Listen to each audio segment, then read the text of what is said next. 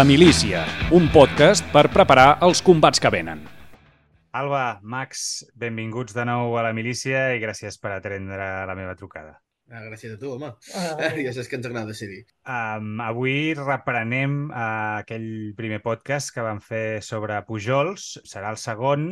El primer ens vam quedar una mica no a mitges ben bé, vam fer bona part de, de la seva vida, uh, ja ens havíem proposat doncs, de tractar el, seu, el perfil biogràfic. I el que us he proposat avui és que acabéssim, acabéssim doncs, el seu trajecte vital i comencéssim a parlar de, del seu pensament pròpiament, que és una mica el que havia anunciat el primer dia que faríem, que ho faríem en dues parts, però eh, amb el benentès de que si avui ens quedem a mitges un altre cop, doncs eh, tindreu, a, tindreu a bé de participar en un tercer programa, en un tercer capítol de, de Pujols, perquè no, no ens cansa i, per tant, doncs, eh, podem seguir parlant eh, molt més. Llavors, en el, en el llibre aquell que torno a recordar als nostres oients que està molt bé si voleu tenir algun si voleu tenir una idea fidedigna de quin era el pensament de Francesc Pujols, doncs eh, l'Alba Pedrós i el Max Pérez van escriure aquest, una introducció necessària al pensament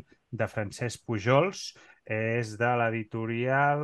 Ara no ho veig. Eh... Andana. Andana, sí. Andana, correcte, l'editorial Andana. Per tant, en aquest llibre, vosaltres el que fèieu és separar una mica, eh, classificar el pensament de Pujols en diverses etapes. Dèieu la formació intel·lectual, que aniria del 1907 al 1918. Després hi hauria l'etapa sumpèptica, que tindria molt a veure amb el llibre del concepte general de la ciència catalana, del qual vam parlar l'últim dia, que aniria de 1918 a 1926 aproximadament. Després ve l'etapa hiperxiològica, que és de 1926 a 1939, i per últim l'etapa pantològica de 1939 fins a la seva mort al 1962.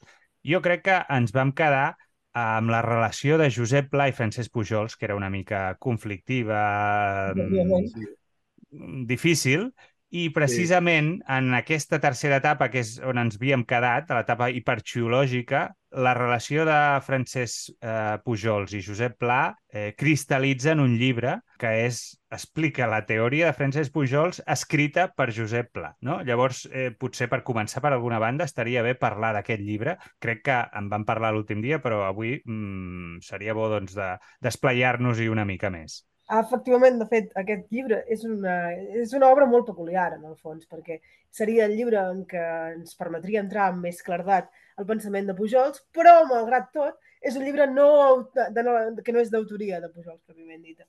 Per tant, això ha complicat moltíssim doncs, això que s'hi s'hi hagi pogut accedir. Uh, és peculiar també per la història de la pròpia redacció del llibre.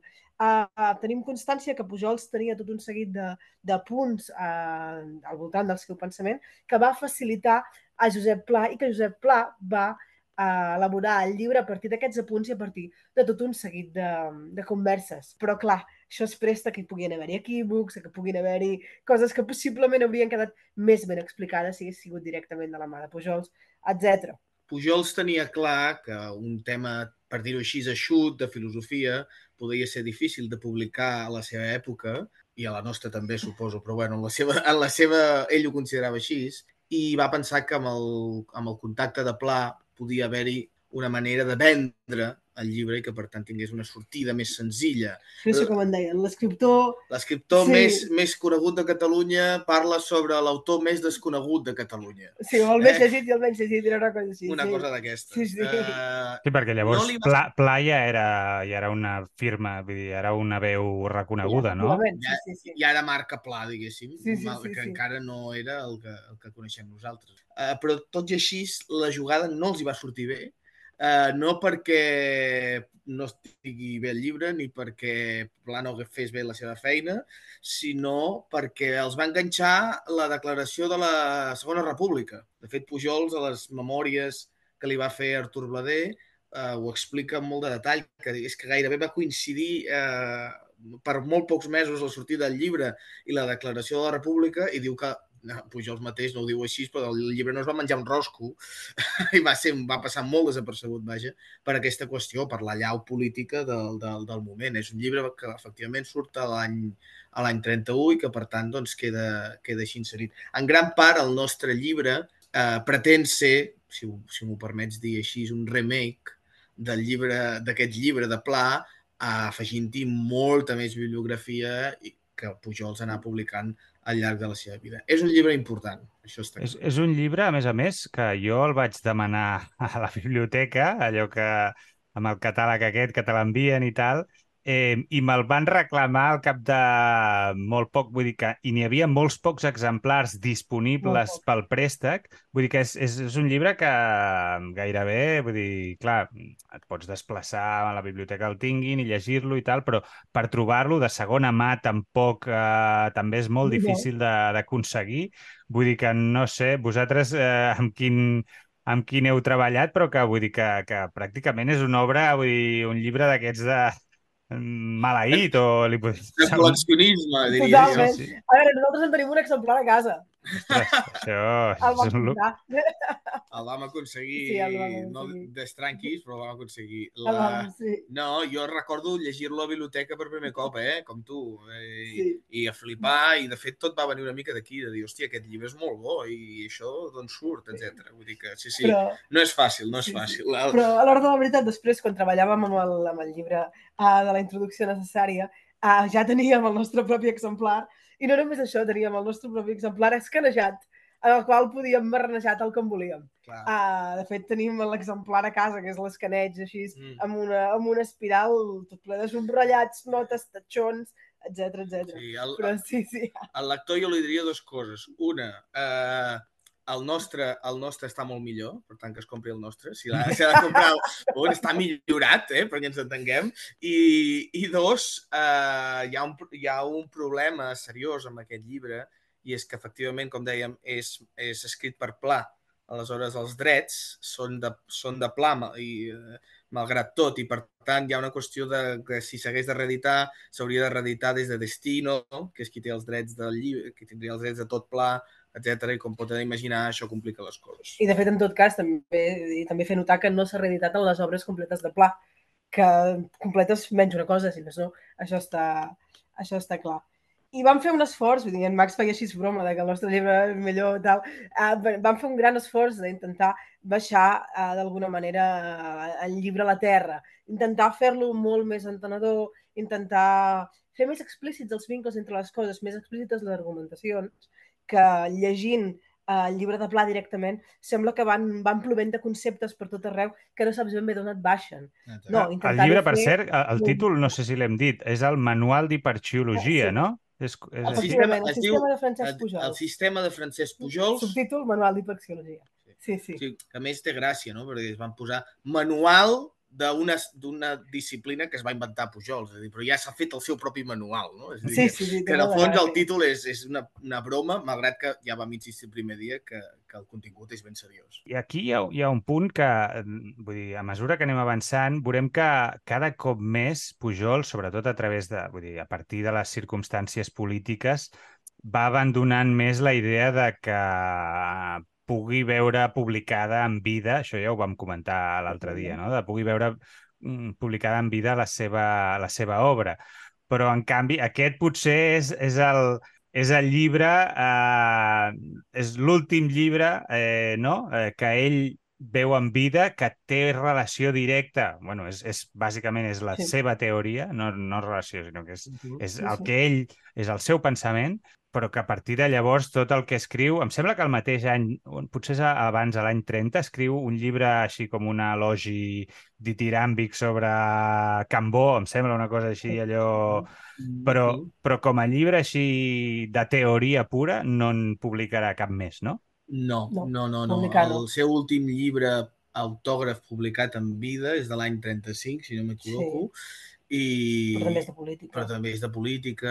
No, no, de i... fet, pròpiament de filosofia, aquest serà el seu, la, la darrera obra que va veure publicada. Sí. Val a, val a dir que hi ha una, hi ha una Sí. petita línia de recerca interessant que, que, per desgràcia, ens ha quedat molt amagada perquè és molt difícil d'accedir-hi, um, que és que arran d'aquest llibre, Pujols va generar un petit cercle de deixebles. Uh, és a dir, aquest llibre se'l va llegir algú i se'l va creure relativament, suficient com per anar a, a buscar Pujols, o, o si ja el coneixien segurament, parlar amb ell eh, i arribar a generar una sèrie, com diríem, de tertúlies, que sembla ser que es feien a la Torre de les Hores, en què el mestre doncs, explicava i concretava qüestions que estaven i que havien sorgit d'aquest llibre. Pujols parla poc d'aquest cercle, eh, és un tema que ens ha quedat sempre pendent i Sí, que no vam sabem... intentar una mica Una retrasar-ho. mica, però els, No, eh, no, no sabem qui eren. Uh, aquest, vull no, dir, sé, no, només, només, Només coneixem, només coneixem un que, li, de- que es deia Cuyàs, de cognom, un senyor que es deia Cuyàs, i que arran d'aquest, que devia ser el primer, segons Pujols, el cercle eh, es va dir els Cuyassos. Ah. Llavors, els, els Cuyassos eh, no sabem ni quants eren exactament, potser, potser eren molt pocs, eh? però en qualsevol cas venen arran de la descoberta del sistema de Pujols en aquest llibre. Per tant, algun impacte va tenir. El que passa és que entenc, entenem que després de la guerra tot això, els collassos es devien esparcir pel món i poca però, cosa va però quedar. certament després, eh, durant, de fet, durant l'exili va passar una cosa similar i va tenir un altre cercle de deixebles, Pujols, Exacte. ja en parlarem més endavant en tractar de l'exili a Montpellier. Per tant, al llarg de la vida va anar com acumulant petits nuclis de persones interessades en el seu sistema i en els aspectes fins i tot els més peculiars del seu sistema, com seria la religió. Exactament. Que aquí ja està esbossada, eh? Sí, Aquí Uh, ja de fet, el propi manual, el propi manual de- d'hiperxiologia exposa uh, els principis del sistema, exposa les conseqüències religioses, però no entra ben bé, ben bé, ben bé, encara en la qüestió religiosa fins a l'última part de totes, que sí que uh, amb un toc una miqueta burleta, entenem que en bona part, uh, a raó de la, de la ploma de pla, uh, sí que diu, uh, sí que posa sobre la taula la qüestió de la religió. Sí, I de però... fet és el primer testimoni. Sí, sembla que Pla, el de la religió, no s'ho va acabar de creure mai, sempre va pensar que era una broma. Sí, I, això es nota. I nosaltres vull dir, podem afirmar, jo crec que sense cap mena de dubte Sí. que no, que és una qüestió que Pujols es prenia molt seriosament i que en el llibre aquest ja està explicitat la necessitat de fundar una religió, que no una secta, eh, ja en parlarem, eh, si voleu en detall després, i, de fet, eh, sis anys després de la publicació d'aquest llibre, sembla ser que Pujols ja hauria acabat d'escriure el que serà el text del ritual de la religió catalana, perquè la religió catalana, la religió hiperxiològica, si voleu dir-li, la religió de Pujols, compta amb un ritual que és una mena de calc de la missa catòlica eh, completament adaptada a les conseqüències eh, del sistema filosòfic de Pujols. I que aquest ritual, ja en parlarem si voleu més en detall, es diu hiperxiologi i que sembla que tot indica que va ser acabat de redactar l'any 37, és a dir, en plena guerra. Però en tot cas és concebut, és concebut abans segur perquè el mateix manual ja s'hi explícit alguna cosa. Exacte. Val, llavors, uh, per situar-nos un altre cop, mm, Pujols està allà al seu, al se, a la seva torre de les hores, a Martorell, Uh, aquí van passant moltes coses, l'any 34, no? el 6 d'octubre... Ell té relació... Clar, ell, ell mm, no deixa de ser un propietari, no? Vull dir, no deixa de ser un senyor amb terres. I tot i així, em sembla que ja també té algun escrit sobre els rabassaires, no? que en aquell moment justament estan, estan...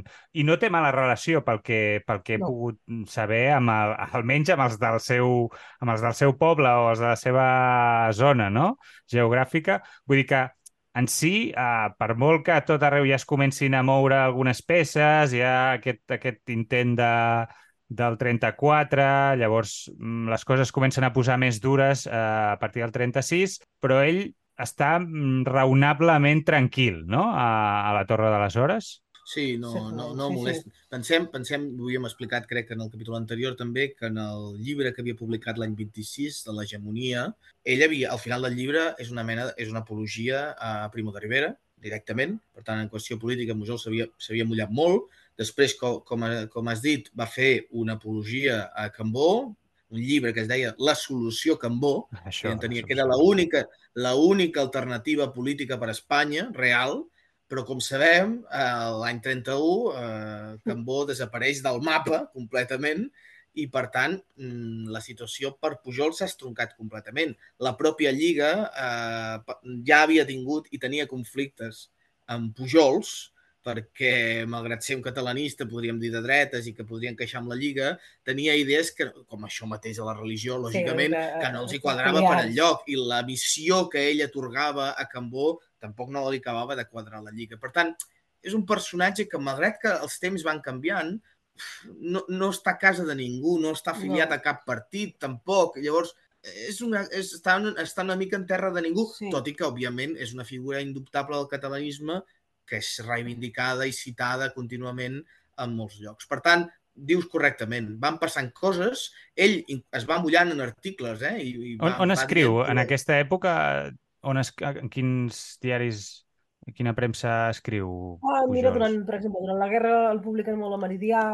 De fet, em sembla que Meridià no només el publiquen, sinó que molt sovint també en citen molta, moltes anècdotes i coses per l'estil, mirador, coses d'aquest tipus. Ell, uh, això, la, també la tasca, de, la tasca com a Pujols articulista també és una cosa a fer. Tenim, una, tenim un recull de- d'articles que vam elaborar també quan estàvem fent la, la qüestió de la introducció necessària, que pujaven a més de 500. Vull dir, realment Ah, la cosa era, és- era bèstia. És molt bèstia. De fet, Sí. sí. recentment, eh, Francesc Canosa ha Ha tret, tret uns ha, articles de... ha tret un llibre de, de la, que es diu guerra. Pujols en guerra. eh, Els dies és- apocalíptics. Els dies apocalíptics, Sí, Pujols en guerra, que és fantàstic i que és, de fet, una mica el que estem dient, però durant la Guerra Civil. Sí. Eh? Són els articles polítics de Pujols durant la Guerra Civil i són, són molt punyents, són molt interessants des d'aquest punt de vista, però anem una mica tard. Els reculls que tenim d'articles són una mica molt amplis, de moltes èpoques, Sí, són i molt, i també són, difícils. més centrats en altres aspectes del seu pensament, no en la qüestió política. No. Uh, de fet, tenim el recull d'articles de l'Enric Cassany, que són articles diversos al voltant de mm, qüestions de filosofia, rareses sobre moda, tal qual, que et donen una Sí. mica el sabor del personatge, però no se centren pròpiament. No. Uh, I també tenim l'obra de... Bueno, també tenim un recull d'articles de Joan Coscó més centrat en la filosofia. Clar. Sí. Però De- això de la, la tasca d'articulista és una cosa que s'hauria de fer, vaja. De, de nou, Sí, sí. és una és feina per qui vulgui estudiar-ho. Ah, sí. Sí, aquest, aquesta, aquesta crida la vam fer també. Vam acabar el primer capítol fent aquesta Sí, crida. Eh, la, Fa manta la mantenim. La mantenim. Eh, doncs anem avançant, arriba la guerra, eh, Pujols, llavors ja això ja comença, se li comencen, bueno, com a tothom, òbviament, però el seu fill Faust mm, el criden al front, eh, per tant se'n va a la guerra. Eh, mentrestant va escrivint aquests articles eh, que expliqueu, eh, que ha publicat no fa gaire, jo en, en l'interval entre el primer capítol i aquest he llegit Sí. alguna cosa, he Ah, llegit aquest, aquest llibre de, de, mm, bueno, editat per Francesc Canosa, també he llegit la, la meva carn que tu ensenies, que és molt interessant, eh, bueno, he llegit alguna coseta més i, i realment a aquesta època, eh, a- almenys pel que explica Francesc Canosa, eh, el, el pròleg d'aquest llibre, eh, eh, al principi hi ha com un silenci de Pujols, és a dir, al, al princi- a l'inici, quan esclata la guerra del 36, hi ha un silenci, no se'n sap eh, gairebé res d'ell, a més està allà a, a, pràcticament doncs, ja no baixa tant a Barcelona, que és on, on eh, el coneixen i on, el, on es mou més, però de cop i volta comença a publicar i comença a manifestar-se, però eh, també eh, el colpeja eh, un altre cop eh, un fet tràgic, que és la mort de la seva dona, que també en vam, en vam parlar en vam parlar l'altra vegada, i a partir d'aquí, doncs, eh, no sé, dir, les circumstàncies, suposo que tot va passant molt ràpid. Quan llegeixes eh, coses d'aquests tres anys, és, vull dir, és bastant frenètic tot plegat, i al final es troba, no sé si voleu aturar-nos en algun punt concret, ens, ens, ens hi aturem, eh? però es troba a, a l'exili, a Montpellier. No sé si a- el, el moviment aquest de trasllat, eh, suposo, òbviament, que deu ser traumàtic, però tampoc no, no recordo que, que hi hagi un, una gran, un relat que expliqui molt bé com acaba ell a Montpellier. Em sembla que primer passa per... Això sí que... Digues. De fet, això sí que està una mica estudi... això sí que està una mica ben explicat en dos llibres, de fet. El seu trànsit, la seva sortida de Barcelona i tal, uh, és, va resultar molt sorprenent que pràcticament la podíem anar resseguint, no amb tot luxe de detalls, però amb certa, amb certa fidelitat. Això ho fem gràcies a les obres d'Artur Blader, però no només Francesc Pujols per ell mateix, que és l'obra que seria més immediata per aproximar-nos a aquesta qüestió, en què crec que en diu alguna cosa, però no gaire, sinó en una altra obra, l'obra sobre Rafael Moragas. Ah, aquesta la tinc Ah, pendent, Senyor Moragues aquesta. Moraguetes d'Artur Blader perquè mm, Pujols i, i en Moraguetes eren, eren molt amics. Eh, eren molt amics des de molt, molt, molt, molt joves. Sembla que el primer capítol eh, van parlar de, ja d'en Moraguetes arran de la publicació del Nuevo Pasqual i de la defensa que en Moragueta se'n va fer, per tant, ostres, ens hem de remuntar a la primera, gairebé la primera dècada del segle XX. Estem, estem a l'any 39, segueixen sent molt amics i marxen plegats a l'exili. I, de fet, no se separaran durant uns quants anys. Coneixem ben bé les circumstàncies del seu exili gràcies a aquest testimoni i sabem que van poder marxar amb unes relatives bones condicions gràcies a la mediació de la protagonista indiscutible de la meva carn que tu ensenies, que és Esther Antic. Uh, de fet, uh, sembla ser que, pel que vam llegir a l'obra de, de Blader, uh, sembla ser que bueno, Esther, Esther Antic en aquell moment tenia un càrrec de molta responsabilitat al Ministeri d'Instrucció Pública. Ella era directora de primer ensenyament i com a tal li corresponia transport d'alguna manera. Uh, aleshores, uh, Pujols, que sabia que Esther Antic tenia manera de, de marxar d'alguna manera, va dirigir-se a casa seva amb el seu equipatge, amb els seus baguls. Entenc que Rafael Moragas va fer una cosa similar i Antic els va, els va remetre allà d'on sortia el transport, que era ben bé la, la, crec que l'edifici mateix del Ministeri d'Instrucció Pública.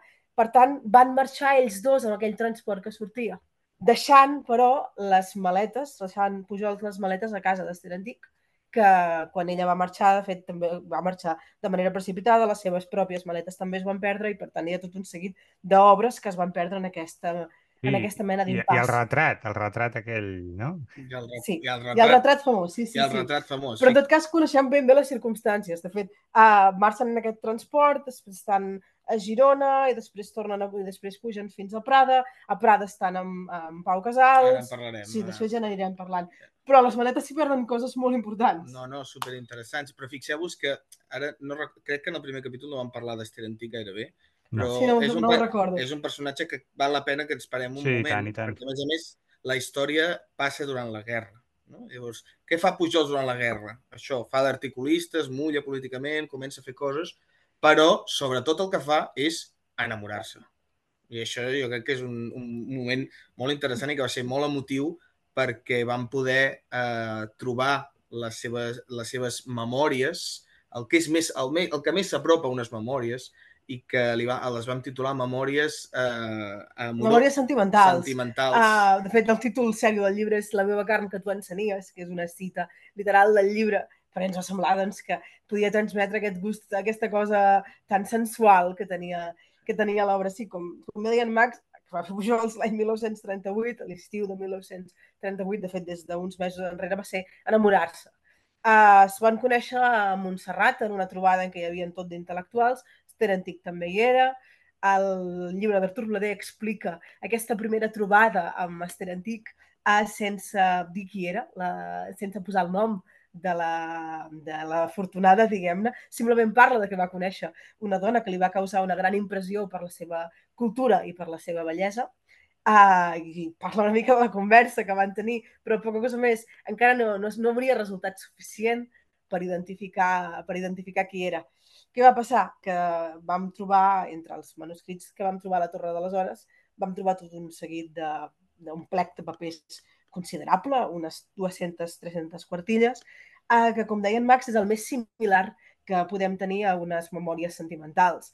El que són és un seguit de, uh, de cartes, de fet d'esbossos de cartes, uh, que es llegeixen, que es poden llegir com un text complet, en què Pujols explica a Esther Antic les històries d'amor que havia tingut al llarg de la seva vida. Les històries d'amor i històries de, de sexe, en el fons. I el, però el que és més interessant, aquest text ell l'escriurà l'any 54, per tant, Sí, de fet, molt, ja, ja, ja el situarem després, ja, Ja, ja, ja tornarem el- a esmentar-ho. un text que Sí, escriu sí. molt més tard, però l'està escrivint perquè li vol justificar a Esther Antic que ell, que està a l'exili, que pràcticament no l'ha tornat a veure, per què una nit de, de l'agost del 38 A Sagaró, a Sagaró, A Sagaró. per a tant, Sagaró, que és on anem de, a vegades a la platja Anem. perquè vam conèixer-ho i va ser un ostres, és que és tan fantàstic, bonic és estar aquí. fantàstic. No va voler-se embolicar amb ella. Mm, Van estar... D'això es tractava. Ella, Es, es justifica, ell, ell justifica per què en aquell moment, no? Eh, sí, sí. El- No va el voler... senyor, el, el senyor Pujols, que ja ho vam dir, era un lligón de mena, que sembla ser, pel almenys els testimonis que ens en queden, Bueno, i les que, seves pròpies memòries en donen testimoni. que era un senyor que de sexe en sabia i sabia el que es deia i el que feia, s'enamora tan fort d'una senyora, d'un- d'una noia en aquell moment tampoc tan gran. Home, no, 50, eh? Tenia 50? Sí, ah, no, 40 molt, 50. Doncs 50. una No, dona no, sí, Se perquè dreta, eh? No. se- s'enamora tan fort que decideix que no pot tractar-la de la mateixa manera com ha tractat altres dones de la seva vida. L'ha de tractar, per dir-ho així, amb un, amb un respecte i amb una passió molt més forta que paradoxalment significa aturar-se i dir no, em sap greu, malgrat que tu aquesta nit te m'insinues, jo no vull, perquè el que vull amb tu és una cosa molt més seriosa. Fixeu-vos, eh? És, és, és, molt però paradoxal, més, és, és, però... Esther Antic, ho ha dit l'Alba abans, Sí. no, és una, no, és una, no és un personatge qualsevol. Eh? A Pujol se li acaba de morir la dona, que com vam dir era la seva minyona, i per tant, doncs, Pujols estava acostumat, si vol, a, una, a persones no tan cultes, i ell ho explica eh, a les seves memòries, que va tenir relacions amb, amb dones pues, que, no, que no tenien, si voleu dir-ho així, el seu nivell intel·lectual. Però no era el cas d'Esther Antic, perquè Esther Antic era un personatge formadíssima, filla d'un amic de Pujols, a més a més. De fet, el eh, Blader parla molt més del pare, que del no pare, d'ella. el pare, També per mantenir-la en anonimat. el pare, en ja en parlarem un altre dia. Parla eh? molt És un- del seu El pare és pare. un personatge increïble, Sí. però, a pa- però que, com ha dit l'Alba, era la directora de primer ensenyament de la República Espanyola. És a dir, era la màxima responsable de tot el que estava passant en aquell moment a nivell d'educació, que eren moltes coses. Totes les revolucions pedagògiques es van fer en aquell moment i ella d'alguna manera hi va estar involucrada. De fet, hi va estar involucrada de- des del primer dia. L'any 1936, quan esclata la guerra, passen un parell de mesos, comença, representa el curs escolar i es fa com l'objectiu l'objectiu magne, en el fons, d'intentar que tots els nens tinguin escola quan comenci el curs escolar a setembre. Tots els nens han de tenir la seva pròpia escola. I això va acompanyat d'una revolució en els mètodes edu- educatius absolutament tremenda. Això ho fan personatges com, uh, com Puig i Elias, que és un pedagog de primer ordre que en aquell moment es va posar al capdavant de- d'ensenyament de, de fet, de la Generalitat en un òrgan que és el Consell eh, de l'Escola Nova Unificada. Esther Antic formava part d'aquest Consell de l'Escola Nova Unificada. Al Consell hi havia, no sé, no diria una bestiesa, hi havia, posem 10 persones, una cosa així, i ella era una de les persones nomenades, en el seu cas, en qualitat eh, de la CNT, de fet, és nomenada a través del sindicat en, aquesta, en aquest òrgan de tanta importància. Això passa l'any 36, el Consell de l'Escola Nova Unificada perd bona part de les funcions després de, del fet de maig, dels fets de maig, però eh, Esther Antic recupera i guanya molta més responsabilitat amb l'arribada dels anarquistes, de fet, eh, els anarquistes, quan es parla dels anarquistes del govern de de de la, de la guerra, es parlen sobretot dels primers quatre ministres, però hi va haver-hi un segon moment. A Segundo Blanco és un ministre anarquista que va ser nomenat a l'abril de 1938 com a, com a ministre d'Instrucció Pública. I Esther Antic forma part del seu, del seu consell més estret, juntament amb Puig i Elias. Ells són els que s'ocupen no només de l'ensenyança primària eh, de tota la república, sinó que també s'estan ocupant d'una tasca molt més urgent en temps de guerra, com són les colònies infantils. Les colònies infantils organitzades pel Ministeri. Per tant, això estem parlant d'una dona que tenia una responsabilitat en aquell moment tremenda. Estem parlant que tenia sota la seva responsabilitat desenes de milers d'infants.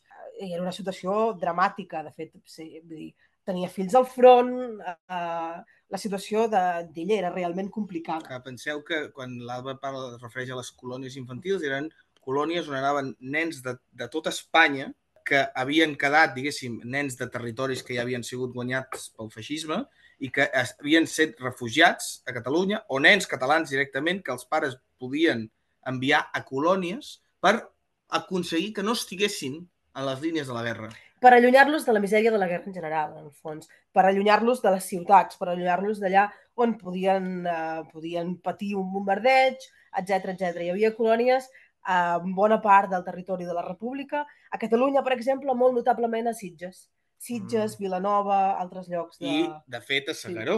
I a Segaró. I a Segaró, que sembla que és per això que Pujols i Esther eh, Esther Antic estant a Segaró aquella nit, segurament. El que seria més d'allò és saber què hi feia el Pujols allà, no? Vull dir...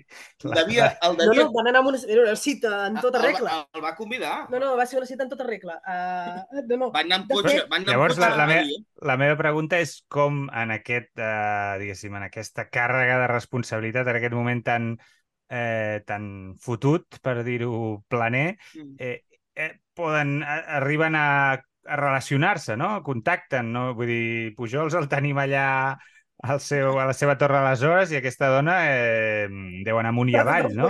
Sí, sí, sí. Sí, sí. Uh, a veure, es van conèixer a Montserrat, això segur. Això, sabem que es van Ah. conèixer... Montserrat en aquell moment era un hospital, era un hospital de guerra Sí. i s'hi feien, s'hi van fer trobades i era un refugi també d'intel·lectuals. Per exemple, hi va anar Diego Ruiz, un personatge que li hem seguit també la pista, que és molt interessant i que també té una relació amb Pujols peculiar. Però vull dir-te, ells es coneixen allà per, per qüestions de la vida i mantenen, i a partir d'aleshores mantenen una relació i es deuen veure quan poden. Però fixeu-vos, Pujols insisteix molt en les seves memòries, que s'enamora d'Ester Antic perquè era molt guapa, etc tot el que tu vulguis, molt... però no només per això, sinó perquè és una persona que ell diu eh, amb un nivell intel·lectual igual al seu, o més. I, per tant, diu, amb ella vaig veure la possibilitat d'aconseguir el meu ideal d'amor de sempre. que fonamentalment consistia, i això és sensacional, en poder discutir de filosofia després o abans de follar, això no ho recordo. Més o Però menys. era, més- era bàsicament això, cosa que és un ideal fantàstic. Clar, ell diu, jo vi, Sí. a les memòries ho explica molt bé, diu, jo, sé- jo he tingut dos tipus de relacions, el que en diu materials i espirituals. He tingut relacions sexuals, diríem, directament amb moltes dones, però que després no podia no podia treure, eh, no podia parlar de Goethe, per dir alguna cosa, no? perquè no l'havien llegit, no el coneixen, o, no ten, o directament de dos que no tenien formació, pel que sigui. No? I també he tingut relacions, diu, espirituals, amb dones molt cultes, amb què podia parlar de Goethe i de tot el que tu vulguis, però que pel que sigui no hem acabat no hem acabat de follar, perquè ens entenguem, no, no ha acabat de sorgir. No? En canvi, amb l'Ester Antic, ell diu veig la possibilitat d'unir els dos, perquè, a més a més, ella se li, ha insinu... se li va insinuar directament. Per tant, aquí hi ha la possibilitat. I com que veu aquella nit d'estiu, eh, veu per fi la possibilitat d'unir tot això, diu, no, m'ho aturo, perquè el que jo vull realment és casar-me amb vostè. El que jo vull és, efectivament, he trobat la dona de la meva vida i ho defensarà sempre que era la dona de la seva vida i, i podem portar això a bon port. És a dir, Lògicament, per, per, per no, no eren fotre els un, temps. un clau i, i, i res més, no? Diguéssim, per no Ah, deixar-ho no deixar aquí. Exacte. Exacte, Sí, sí, sí, exacte. sí. Però, és clar els temps de la guerra no eren segurament els adequats per una Per, relació... sí, per posposar les coses. En tot Exacte. cas, és, no, és, Exactament. és un llibre que està, és que està molt bé eh, perquè, a més, ell va explicant això, totes aquestes relacions que deies, que n'hi ha algunes, això, que són purament materials, com diu ell, sexuals, diguem-li com faci falta, però també, al final, és una manera que ell té de justificar-se de que eh, el destí eh, no l'havia... Eh, no? no sé com ho diu, però ell ve a dir, diu, bueno, eh, vostè era, eh, no? parlant-li a, a l'Ester Antic, era el meu ideal, eh, di- el meu l'amor ideal que unia aquestes dues vessants, però el destí no m'ho va permetre i, per tant, diguéssim, és un llibre que és, és d'amor i de desamor a la vegada, no? perquè ve a dir totalment, que és impossible, per ell no ha sigut possible arribar a aquest ideal, no? La línia cronològica també indica que és de desamor mateix, vull dir, aquesta relació té lloc l'any 1938, eh, ells, vull dir, en el moment crucial de marxar a l'exili, el gener del 39, Esther Antic és, eh, és fonamental, és ella, en el fons, que els permet marxar en unes condicions relativament bones. Què passa? Que ja no es tornen a trobar fins, molt, vull dir, fins més d'una dècada després. El llibre està escrit l'any 1954, quan Pujol ja és molt vell, quan Esther Antic està a l'exili i no té possibilitat de tornar de veritat, no tornarà fins al cap de 10 anys que Pujol ja és mort. Per tant, efectivament és un llibre de desamor, també. Sí. És un llibre de, de, de, de desengany, també. vam tenir l'oportunitat, quan vam fer aquest llibre, de parlar amb els descendents d'Ester Antic eh, i ens van ensenyar fotografies que són les que consten en el llibre i el relat de la història de la seva, de la seva àvia, eh, que és increïble. Eh? La seva àvia va ser professora després a França durant molts anys, va rebre el màxim reconeixement eh, institucional de la República Francesa pels serveis educatius que va brindar. Va col·laborar amb la resistència francesa. És que, és, és que una, una senyora que és al segle XX encarnat. És una, És una meravella. és una senyora Sí, sí, increïble. Pujol, a veure, Pujols tenia bon ull. No, No, això, no se li, sí. això no se li pot negar, però, com deies, pues, no, no va ser possible. Digue-li destí, digue-li com vulguis, però no... Bé, No, Ara, deia sí, destí permetre- perquè és, és, el, és el que fa servir. Però és el mateix que en diu, sí, sí. Sí, sí, sí. No, i de fet, la, abans parlàvem de la maleta. Ostres, a la maleta, a la maleta que es queda a casa d'Ester Antic es perden moltes coses. Es perden coses de la maleta d'Ester Antic, però es perden eh, documentació, eh, possiblement alguna cosa... Jo m'imagino que fins i tot devia haver-hi alguna cosa sobre les colònies. Vull pensar que potser hi havia alguna cosa així. Es perden coses del seu pare, que ell també era filòsof, eh, Josep Antic i Sobirana. Eh, es perden també eh, coses de la maleta de Pujols. I de coses de la maleta de Pujols són, són ressenyables d'alguna manera, perquè, perquè també et donen una mica la imatge de què va voler-se endur en un moment tan crític com el moment de marxar a l'exili. Se'n van portar les cartes d'amor dels seus pares. Mm, Sembla que ho. Sí, sembla- És sí una de les dir. coses uh, que, se- que estaven en aquelles maletes. Se'n van, se'n volien dur a obres que havia escrit recentment, I que no s'han perdut. s'han i perdut. que s'han perdut per sempre. Però, com, com has dit al principi, Josep, sí que es va... Una cosa va poder Se'n se'n recuperar. volien dur, se'n van dur un quadre. Se'n se'n van d'un quadre de Ricard Canals, el Sí, pintor, sí. que Pujols el va donar per perdut, Clar, completament sempre, com la resta de coses d'aquelles maletes que cap altre s'ha trobat mai. però que per, per, per carambola, ara farem l'acudit que Pujols va fer després, per carambola el va poder recuperar molts anys després, perquè es veu que el quadre eh, estava, havia estat fotografiat per diverses persones. És un quadre preciós, un autorretrat de Pujols, que En té... ell sempre diu que semblava que s'estigués arrencant el cor amb la mà, surt amb la mà com així elevada, el, com al damunt del pit, i clar, ell és tan grandiloquent que semblava li agradava, li agradava molt aquest Sí. quadre, del seu, aquell, aquell retrat que li va fer Ricard Canals. No? I, I sembla ser que en un article que va publicar Pujol, de fet no és ni un article de Pujols, és un article sobre Pujols que va publicar la revista Destino eh, després de la guerra, en què es parlava res, molt breument de Pujols, van utilitzar una foto d'arxiu del quadre i van posar, en comptes de posar un retrat de Pujols d'una foto normal, van posar el quadre. I aleshores es veu que algú va llegir, no sembla que era l'any 50 i pico, va llegir a l'article i va reconèixer el quadre que el tenia al menjador de casa. Va dir, ah, que aquest, aquest senyor del quadre és Francesc Pujols, però no Ah, doncs li tornarem. pues li tornarem. I, I gràcies a aquesta anècdota, Pujols va recuperar el quadre i avui tots, tots vostès, els oients, poden anar-lo a visitar a, a, al museu que s'ha generat a la, a la Torre de les Hores de Martorell, que és l'arxiu també que, de la Fundació Francesc Pujols, i hi ha aquest quadre. I Pujol sempre feia l'acudit, sembla ser, de, sí. que deia que eh, sempre deia que el quadre no patiu, no patiu que el destí em tornarà al quadre. Diu, bueno, va ser Destino que em va tornar el quadre, eh? Era dir, la revista Destino. Va dir que Quasi. són, són anècdotes, però clar, ells, el que dèiem, el que vam explicar també al primer capítol, ell s'ho prenia tot en conya i de- feia moltes bromes, però recuperar aquest quadre, ostres, doncs per ell va tenir un valor sentimental molt gros, no? Era, sembla que ho havia perdut tot i, bueno, doncs, Com a va recuperar. alguna cosa, alguna cosa havia quedat. També, eh, també, bueno, ara m'avançava, també va recuperar el seu fill Faust, que eh, va tornar,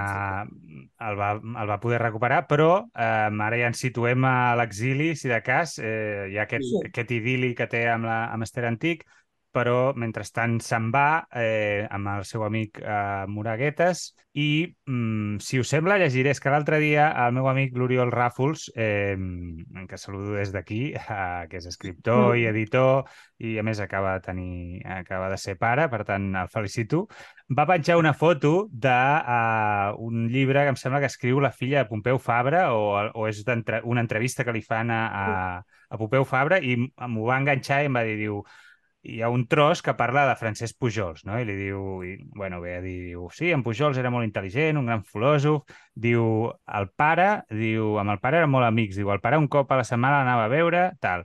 Diu, era un cas, eh, feia, morir, feia morir de riure, era molt divertit, però quan tenia senyores al davant, el meu pare patia molt.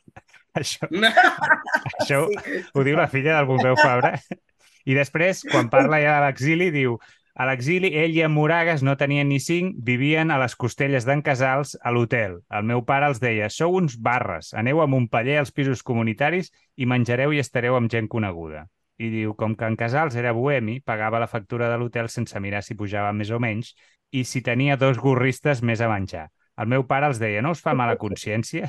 I bueno, continua amb una anècdota d'una estanquera que el Pujols li tira la canya a l'estanquera que hi ha davant de l'hotel que vivien amb, amb, amb, amb Moragues. Vull dir que perquè veiem, eh, vull dir que eh, estan vivint un drama però a la manera de Pujols, no? Vull dir, aquesta, aquesta, aquesta cosa. Llavors, no sé, vull dir, si com, a, com, acaben, no, no. A, a, com acaben anant a parar a les costelles de Pau Casals, això? No, no, costelles. Si... no eh, com has dit molt bé, és a dir, sembla que ells aconsegueixen fugir, eh, fins i tot eh, jo he sentit dir que podia haver passat per Argelers, tot i que jo no ho tinc clar si va passar-hi. Hi ha anècdotes, el passa és que ja sabeu eh, que les anècdotes de Pujol són difícils de saber si són verdaderes o no, perquè la gent després se les inventava i una mena de Jaimito, i per tant eh, hi ha una anècdota que corre, que no sé, jo no tinc clar que sigui certa, que diuen que de 100 Pujols argelers, se li pregunta, però vostè va dir que ho tindríem tot pagat, no? I miri com estem. Diu, escolti, que vostè li, a vostè algú li ha fet pagar alguna cosa per estar aquí? És a dir, que, vale, vale. Eh, eh, eh, segurament és falsa, però indica una mica la impressió que tenia la gent i que segurament no, era, no és falsa. Pujols tenia molt d'humor. Una que sembla ser que sí que és certa és que ells aconsegueixen, sigui com sigui, arribar a Prades de Conflent, al Vallespí, acull, i ser acollit, com es diu molt bé, per Pau Casals, el violoncel·lista.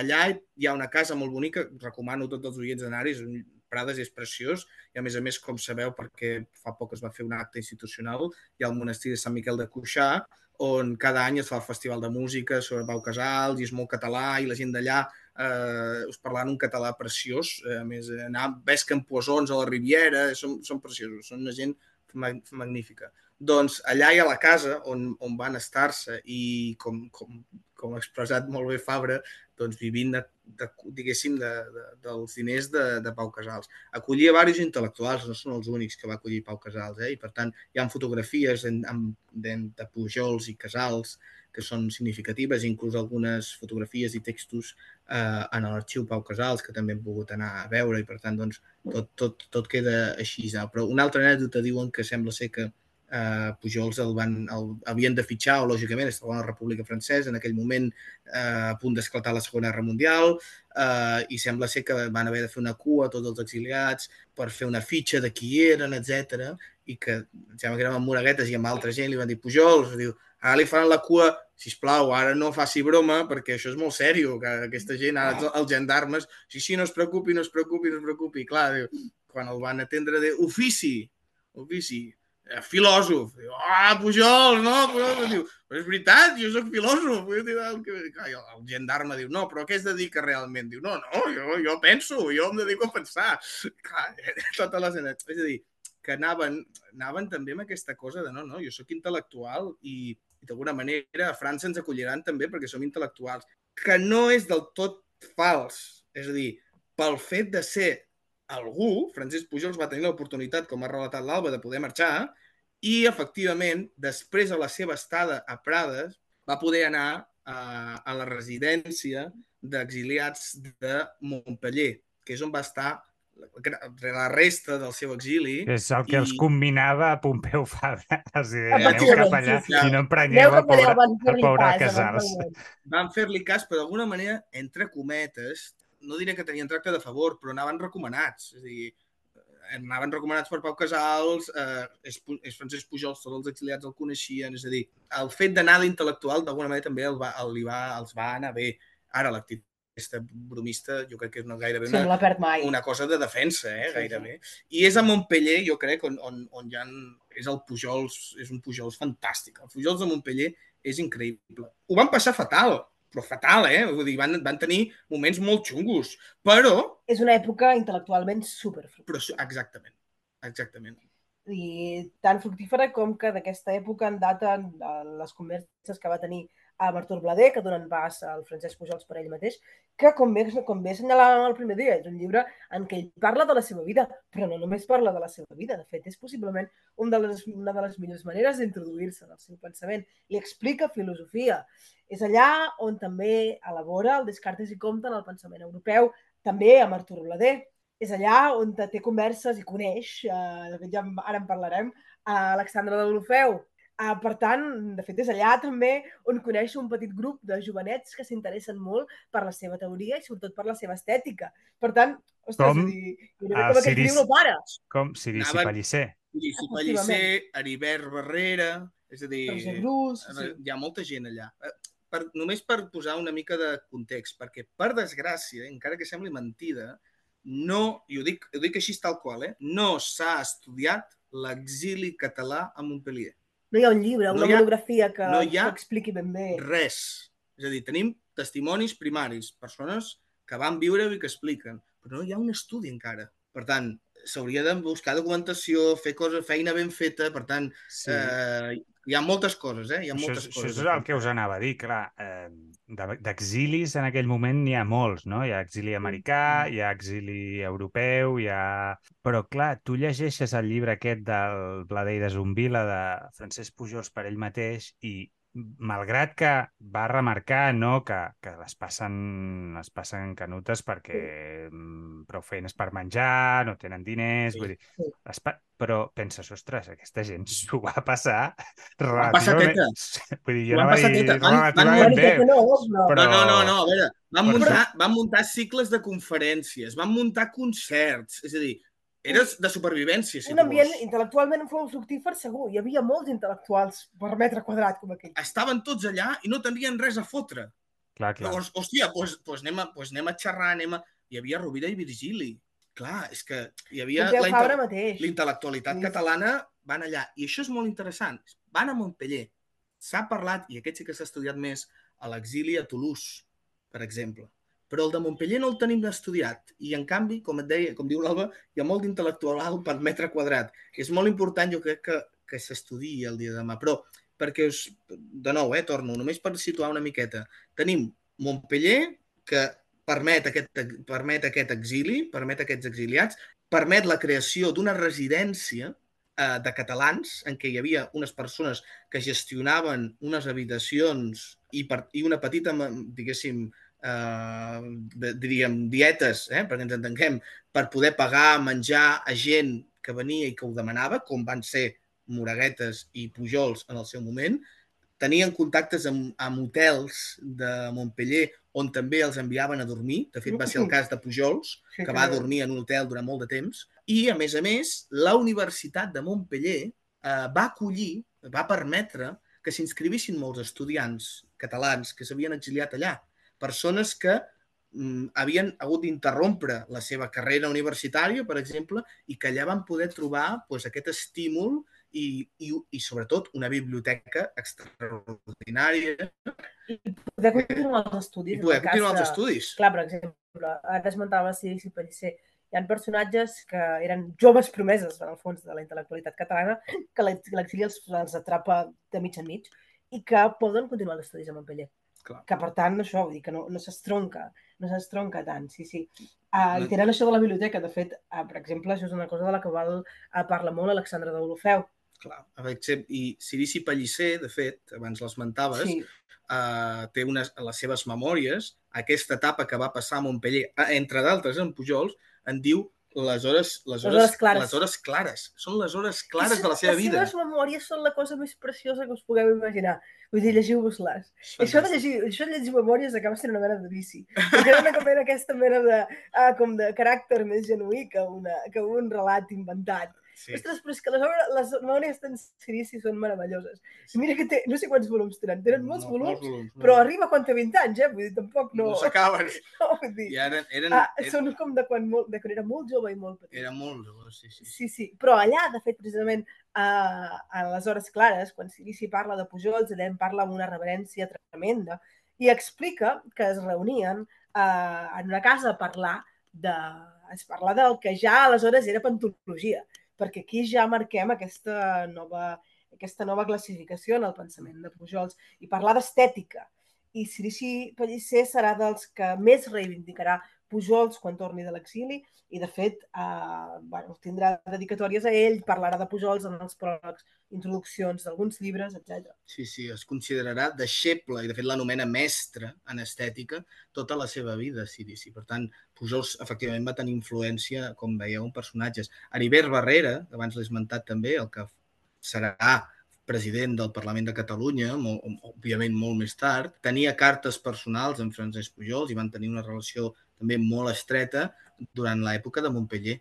Eh? Per tant, part, eh, si voleu, eh, ja sabeu que Heribert Barrera va ser polèmic en cert moment, se'l va acusar de ser racista, etc. Eh, una de les concepcions, segurament, del catalanisme és possible que vingui de Pujols. Un Pujols eh, pensat per ell mateix, diguéssim, pensat per al propi Barrera, però que mm, el catalanisme d'aquests joves, en part, eh, ve de Pujols en aquell moment. Per tant, passen moltes coses eh, a Montpellier Uh, però per Pujols també és una època relativament bona. Només una anècdota que més no està publicada en lloc, i així seràs, seràs el primer a tenir, Josep. Uh, deien que uh, vam conèixer una, un, el fill d'una uh, d'una persona, d'una dissenyadora de Castelló d'Empúries, que es deia Estrella Metlla, un personatge molt interessant de l'Empordà, que es veu que uh, durant els anys 40, ja per tant en franquisme, uh, va fer la lluna de mel, van, uh, uh, entre d'altres a Montpellier, i sembla ser que, clar, es va trobar doncs, amb els exiliats i, tal, i que em va explicar el fill d'Estrella Metlla, explicar que quan va anar-hi, els van, van anar a veure i va dir, escolti, miri, ja sé que vostès estan de lluna en Amel i tal, i ara i avui van a sopar al, a l'hotel tal, no sé si els sabria greu que vingués a sopar amb vostès un intel·lectual eh, que és molt bo, però que està passant molta gana. I llavors jo els, els hi agrairia molt si vostès li paguessin el sopar aquesta nit. I efectivament era Pujols. I aquest, eh, el fill de, de l'Estrella m'explicava que la seva mare recordava aquell sopar amb Francesc Pujols, Francesc, amb Pujols, jo què sé, fotent-li una xapa espectacular, no? perquè havia de fer d'intel·lectual, havia de fer, havia de fer de mico de, de fira, no? I, i, però li van pagar el sopar hòstia, la, ja, ja, perfecte, aquella nit... Ho, ve, ho veus com ho tenia tot pagat? Ho, ve, ho veus? Clar, Eventualment sí que va tenir... clar, però veieu, eh? per tant, és aquest contrast de molta vida intel·lectual, però poc, poc en jalar. el fons Poc- misèria, sí, Poc sí. jalar, poc jalar. Clar, aquest, aquest període, en realitat, jo No, t'anava no, a dir que dura, dura poc aquesta etapa, en realitat, no? Vull dir que és, és molt intensa per les circumstàncies que hem anat dient, però, però és molt curta, perquè ell, ell torna a Barcelona al 40... 42, 42. 42. 42, per tant, Per tant, sí, és realment molt curta. són, sí, sí, sí, són molt aquests sí. tres anys. Clar, penseu també amb el, amb el perill nazi, eh? és a dir, l'any 42, Pujols diu que torna per moltes coses. Una, perquè el seu fill li està demanant. Eh? Abans ho has dit, el seu fill havia anat al front a la guerra, però es queda, es queda allà. I ara sembla que l'està està reclamant el pare perquè té problemes financers eh, amb aquesta gestió de les terres, que sembla que els hi han tornat després de l'expropiació. És a dir, hi ha un pollastre legal bastant sèrio i sembla ser que el fill el reclama. Uh, I Pujols diu que torna, entre d'altres, pel fill. Però a veure, tornar l'any 42 mm, té sentit, perquè sembla que els nazis s'havien de menjar França. Llavors dius, bueno, mm, què faig? Me quedo aquí, mm, torno a casa, que potser passaré la presó una temporada, però ja me'n sortiré. I també les coses se valoren. Alexandre de Deulofeu, en canvi, que Trigarà molt més ara en parlaré, clar, va tornar l'any 47. Ai, Per tant, ja ha passat el perill nazi, perquè ens entenguem, el va passar allà, eh? Passada tota la història aquesta, però, i, i a més ell, ell havia estat alcalde de Figueres durant un període curt de la guerra, per tant, havia tingut responsabilitat directa, a diferència de Pujols, com hem dit abans. No? Per tant, les coses és, són molt més complicades. Però d'Olofeu i Pujols, jo, d'aquesta etapa, jo remarcaria, eh, per no allargar-nos molt, eh, la relació d'Olofeu-Pujols, perquè també van publicar un llibre sobre aquesta qüestió i crec que val la pena doncs, que l'oient ho, ho conegui una El mica. pròleg a la matemàtica de la història, no? Seria... No, que la matemàtica de la història. Sí, que això ho vam publicar un cal·lígraf, uh, per si voleu donar-los una alegria als editors. Ja, exacte. Sí. Uh, crec que és el Ah. 2018, pot ser aquest? El 2018, sí. 2018, 2018. Penseu, durant aquesta etapa a Montpellier, que com hem dit, Pujols té relació amb molta gent, amb Blader, amb Fabra, amb Rovira i Virgili, eh, amb Sirici, hem dit, no? que té un cercle d'intel·lectuals, deixebles a qui farà classe durant una etapa, durant una època, i Pujols. I, bueno, de fet, entre d'altres, entre les moltes coses que s'han d'estudiar i que encara no s'han estudiat, hi ha els apunts d'aquestes classes que alguna banda han de ser. I no sabem on. No sabem ben bé on són. Són uns apunts que havia fet Cirici Pellicer, eh, dels quals es reprodueix una pàgina en un llibre d'homenatge a Cirici Pellicer. I... Uh, es reprodueix una pàgina en què es veu això, una, una, és una pàgina de punts, és molt poca cosa. No aporta res original a aquella pàgina en qüestió, però hi ha uns dibuixos espectacularment bonics d'en Silici al voltant seu. Però en tot cas, hi ha aquells apunts que alguna banda han de Allò ser. seria... Sí. Allò Seria... seria... És, punt, a- és un punt a part, eh? Sí, això seria eh, fantàstic, si sí, sortís sí. seria fantàstic. Però deia, doncs, a part de tota aquesta gent, i d'un altre personatge, també, només un parèntesi, un personatge molt interessant, eh, que estava allà a Montpellier, i que va morir a Montpellier, que era Camil Companys. Camil És Companys, germà. germà del president Companys, que va morir a Montpellier, va morir, es va suïcidar a Montpellier. És un de, la, de fet, quan comences a llegir sobre l'exili a Montpellier, uh, i això que comentàvem abans, que no és una cosa que hagi sigut estu sistemàticament estudiada, una de les coses en què et topes és la desgràcia de Camil Companys una i una altra vegada, i el sobresalt que va suposar tota la resta de- d'exiliats. De- Efectivament, això seria una altra cosa que... Arran, arran de, de l'execució, no? de la fulla- de l'afusellament de, del seu germà, no? Va, va anar per aquí o no? O sigui, la, el no, seu crec que va suïcidi... ser- el seu Crec suïcidi que va va ser... ser abans. Sí? Crec que és abans. No ho sé, no ho sé, no, no, Ara no, no ara ho tinc fresc, Ah, tampoc. ficaré la pota, sí. No? No, Sí, no, no no. Ho deixem aquí i ja, ja. Després Sí, la Wikipedia Però, bueno, proveirà.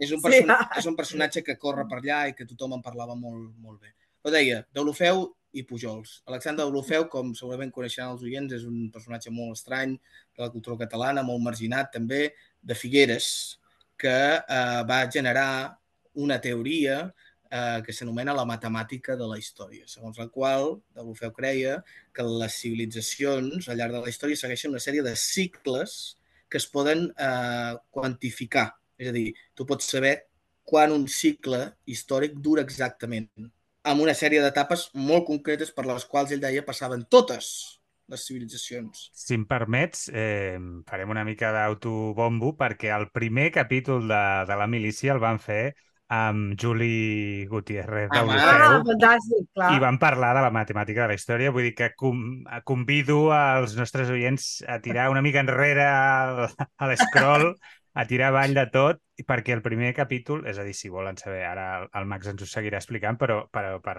per saber allò en una mica més d'extensió en què consisteix aquesta, aquesta matemàtica de la història. Ja està, tanco parèntesi. i, i, en, i amb en Juli Gutiérrez, el net del Deulofeu, per tant, ell, ell sap molt bé eh, de, de què parla, a més de Figueres ens coneixem personalment amb en Juli.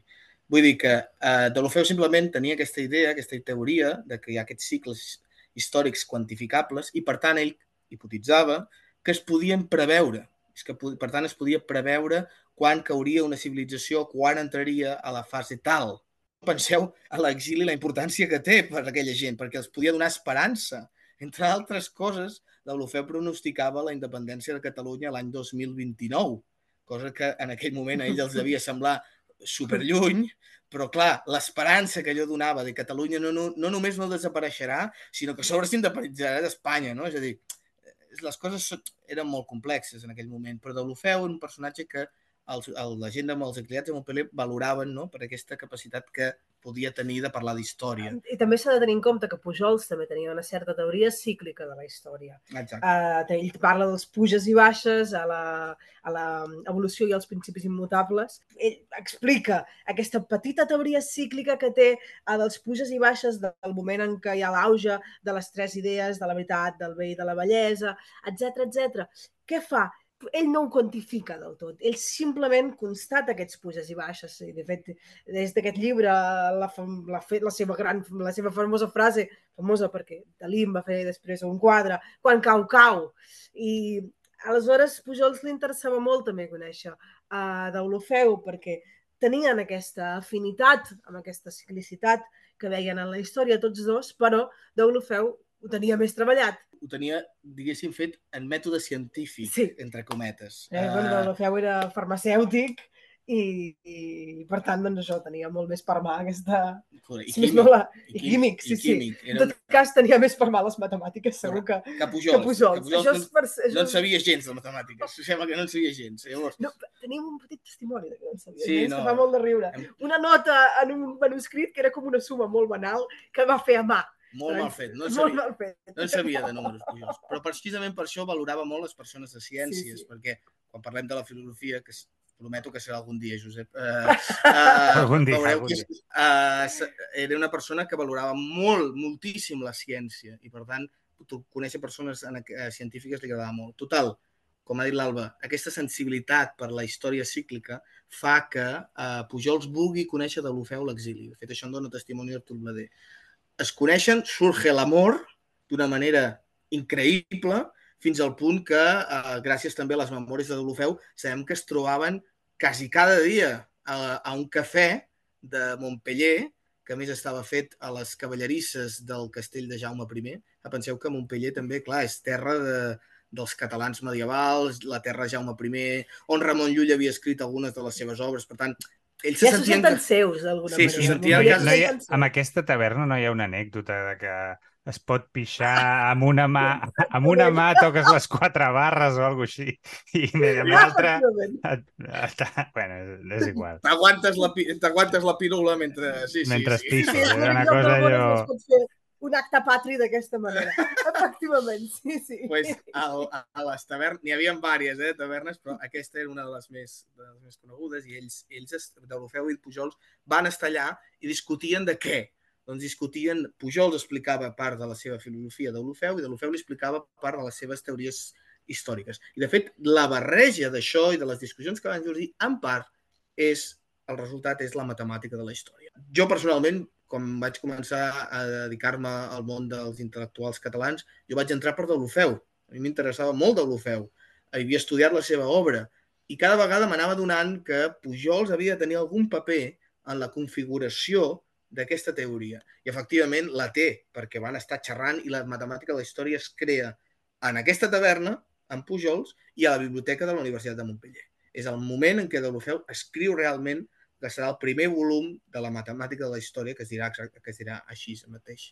És a dir, Aleshores- abans d'això no, no existeix com a tal. La matemàtica de la història, o sigui, ell, el d'Olofeu, imagino que ja té una idea de la seva teoria, però, però no està ben... És a dir, és a partir de, de la trobada, a partir de l'exili, que, que existeix com a tal, no? És el que Sí, hi ha, una, hi ha obres anteriors a la matemàtica de la història aquesta pròpiament, que segons si hem de creure de l'Ofeu doncs és redactada durant aquesta època de l'exili, i no, però no publicada fins a l'any 51, ja en parlarem. En qualsevol cas, abans hi ha una obra molt crucial que es diu Catalunya i l'Europa futura, que és de l'any 34, en què ja esbossa el cicle, però no el quantifica. Ell, eh, per tant, efectivament, com has dit, intuïa, ja tenia algunes coses fetes, però és, i ell sempre ho va remarcar així, és a l'exili quan va tenir el temps de poder-s'hi dedicar, de seure's a la taula i, i, en aquest cas, a la taula amb Pujols, a discutir. Aleshores, aquest, aquesta relació va durar la resta de, les, de, la, de la vida de Pujols eh, i va ser molt fructífera. digues. Jo anava a dir que no tot van ser flors i violes, que Ah, va haver-hi no. un petit conflicte entre Pujols i de Blufeu que, no sé, és digne potser de, de ressenyar, perquè sembla ser que en una ocasió, i també també per donar el gust d'aquests dos personatges, que són dos personatges molt divertits, uh, doncs sembla ser que en una ocasió estaven reunits i es van posar a discutir a quin era l'art superior i, Pujo- i Deulofeu duro a dir, no, l'edat mitjana, tal qual, Pujols, no, l'art clàssic grec, tal qual, i sembla ser que al final es van, es van acabar enganxant. No, no, enganxant no. Engan... O sigui, dient-se el nom del porc, que concretament va consistir en que Pujols li va dir a Deulofeu gòtic putrefacte. perquè li agradava l'art medieval. Eh? És un gòtic putrefacte. De Deulofeu li va dir, em sembla que si no recordo és que no recordo dir, però... Pujols, Pujols, com sabeu, ja hem dit, és una mena de nou, era un noucentista, molt raro, però era una mena de noucentista. Llavors, clar, havia de defensar l'art grec, no? el classicisme. I, i, i, i Deulofeu, eh, per qüestions de la vida, li agradava molt l'art romànic, de fet va escriure una trilogia sobre l'art romànic, defensant inclús que havia nascut a l'Empordà, és una història molt llarga, Sí, sí, sí. sí. Uh, però li agradava molt. I llavors ell defensava com a mínim que eren igual de valuosos l'art clàssic i l'art romànic i gòtic. Però Pujols no baixava del burro, eh, ni de conya, o sigui, no me comparis una merda d'església romànica amb el Partenó, és a dir, no me vinguis amb això. I de l'Ofeu, com va dir, Sí. diu que li va dir que, que quan ja Pujols no baixava més, li va dir, vostè és un impertinent. I llavors Pujols, que tenia una mica que més de més gràcia, d'estil insultant, li va dir vostè un gòtic putrefact. és un pot hipotrefat.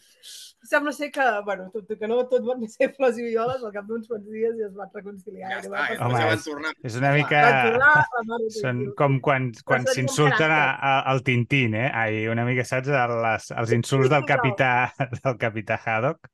És una mica així, eh? Exacte. En Nyevit bueno, o coses d'aquestes.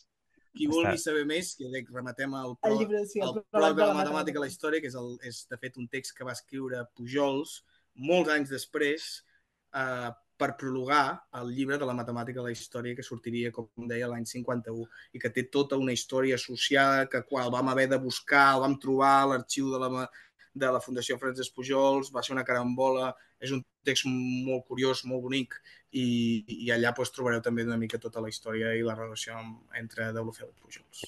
Bé, eh, em sap greu, però mm, més que res per seguir, vull per, per no fer un podcast de 3 hores i seguir una mica la, la dinàmica aquesta que dura més o menys una hora cada, cada capítol, eh, ens hem allargat una mica més, però en tot cas eh, ho deixaria aquí, si no us sap greu, eh, i seguiríem, seguiríem perquè, bé, de fet, de, de la filosofia en si encara no n'hem parlat gaire, Eh, però bé, eh, si vosaltres esteu disposats, jo eh, estic encantat de, de parlar amb vosaltres i d'escoltar-vos, per tant, i els nostres oients segur que també. Per tant, doncs, eh, ens emplacem a, d'aquí unes setmanes a, a re reemprendre aquesta, aquesta sèrie sobre Pujols, que us sembla bé? O... I tant. És per Sí, mantenir, sí, sí. és per mantenir la intriga. Ah, sí, anem avançant de dècada en dècada, com aquell qui diu. No, però està bé, està bé. Vull dir, avui més o menys ja, ja ha quedat, ja ha quedat. Ara hem encetat la- l'etapa pantològica i, Exacte. i a partir d'aquí doncs ja, ja anirem perfilant tot, tot, tota la resta. Doncs això, mm, ho deixem aquí. Moltes gràcies un cop Perfecte. més i fins a la propera, que esperem que no sigui, no sigui molt tard. Gràcies. Vinga, gràcies. Perfecte, gràcies.